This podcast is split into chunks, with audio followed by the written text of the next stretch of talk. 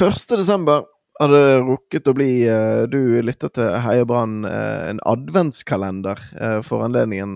Vi er jo en supporterpodkast som de fleste som kanskje lytter til dette, vet. Og til eventuelt nye lyttere, så må vi bare si at dette er en, en spennende anledning, fordi at vi har fått tilsendt en haug av Brann-historier og minner.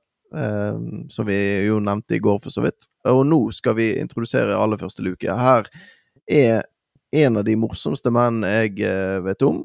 Han er faktisk fra eh, For da tror jeg han er. I hvert fall fra en av de penere bydelene i, i Bergen. Og um, han heter Kristoffer Kjellrup. Han har eh, vært og Sjefen min er jo dratt litt langt, men han eh, han driver uh, Standup Bergen drev jo for Standup Bergen, nå ble usikker i farten, men han eh, har en, mange morsomme historier. Men han har også noen litt sånn ukjente sider, som blant annet kommer frem i det klippet som eh, du skal få høre nå. Og hvis du vil ha hele opplevelsen av dette, så kan du også eh, se Kjeldrup spille inn eh, på våre Facebook-sider, der vi legger ut eh, videoen som han eh, insisterte på å sende med, med, denne, med dette lydklippet her.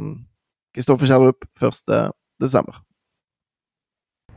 Halla igjen, Kristoffer Kjellrup her. Eh, Født og oppvokst som eh, Brann-fan, for eh, min far var jo lege for det famøse bylaget vårt.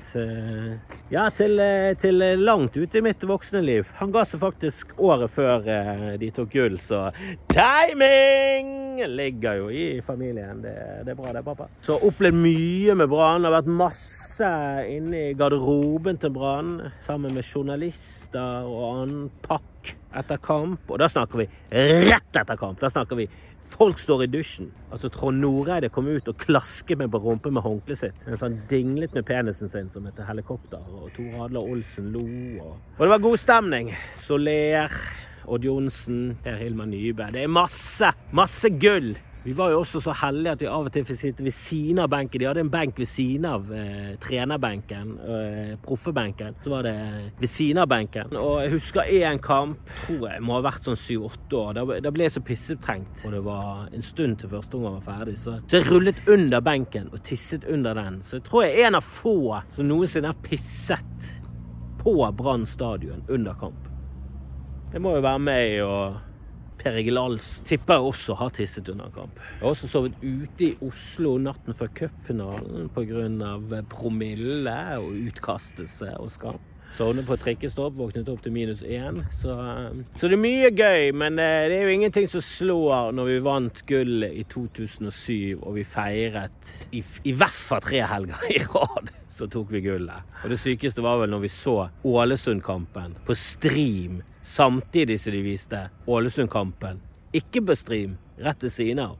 Og streamen var det delay på. Så hvis det skjedde noe viktig i den kampen, så hadde vi allerede fått resultatet på publikumsresponsen utenfor. Men det var litt vanskelig å tolke responsen på hva som egentlig hadde skjedd når frispark gikk i stolpen i beina til Huseklepp på åpent mål fra to centimeter og utenfor. Men uh, det var jo en uh, blessing in disguise. For det gjorde jo bare at når vi ikke vant gullet det, den helgen heller, som vi feiret, så, så vant vi en, en annen helg. Så var det Lynkampen, og så var det Vikingkampen borte, hele pakken. Så ja, det er mye gøy med Brann. Mye piss òg. Og så bygger det karakter. Altså Hvis du vil ha en sønn eller datter som tåler motstand, få de til å heie på Brann. Det gir deg lærepenger for resten av livet. God jul.